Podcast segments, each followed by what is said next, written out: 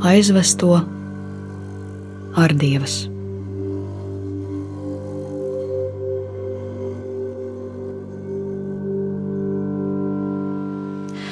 Latvijas armijas pulkvedim Alfrēdam Platajam bija 44 gadi, kad Latvijas PSR valsts drošības tautas komisariāts 1941. gada 14. jūnijā viņu arestēja Lītenes vasaras nometnē un izsūtīja.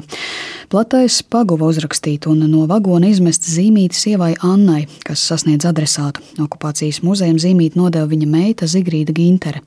Kodolīgais un neziņas pilnais atvadu teksts rakstīts uz nu jau sadzeltējušas lapas ar parastu parasto zīmuli.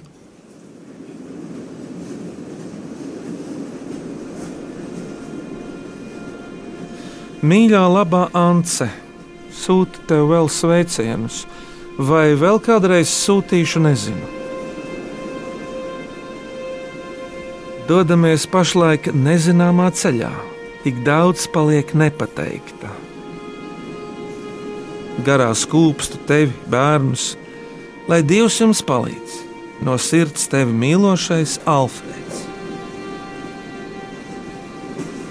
1941. gada 14. jūnijā, pulksten 14.30.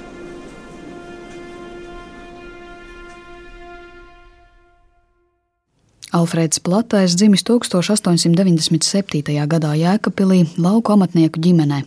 Turpat pabeidza vietējo tirdzniecības skolu, bija grāmatvedis un kalkulators Rīgā. Latvijas armijā iestājās brīvprātīgi 1919. gada jūnijā Rīgā.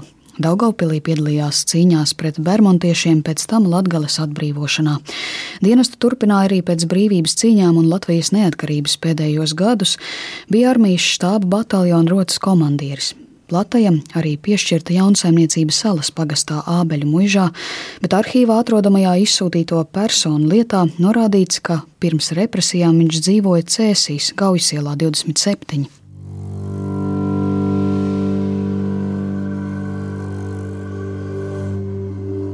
1941. gadā karaspēka vasaras nometnē Litenē Alfrēdu apcietināja un ar PSRS iekšlietu tautas komisariāta sevišķās apspriedas lēmumu notiesāja ar ieslodzījumu lēģerī uz astoņiem gadiem. Lēmumā par Alfrēda platā apcietinājumu, kā visās deportēto lietās, ierakstīts naidīgi noskaņots pret padomju varu un nodarbojies ar pretpadomju aģitāciju. Viņu izveda uz ieslodzījumu vietu Norilskā.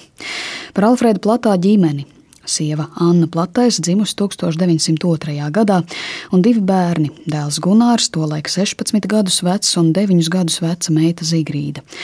Platā lietas mapē atrodams arī dokuments, kas apliecina, ka arī viņus bija plānots izsūtīt kā sociāli bīstamus elementus, balstoties uz ģimenes galvas apsūdzību. Alfrēds Platais ieslodzījumu izcieta un 1956. gadā Sibīrijas kara apgabala kara tribunāls nozieguma sastāva nēsamības dēļ spriedumu atcēla un izbeidza tiesvedību pret Plato. Kopumā viņš Sibīrijā pavadīja 15 gadus un atgriezās Latvijā, bet viņa ģimene jau bija devusies bēgļu gaitās uz Brazīliju.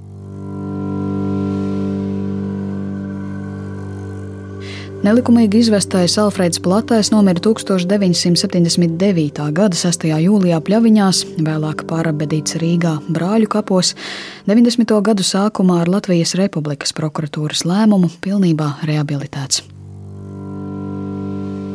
Aizvesto ar dievas.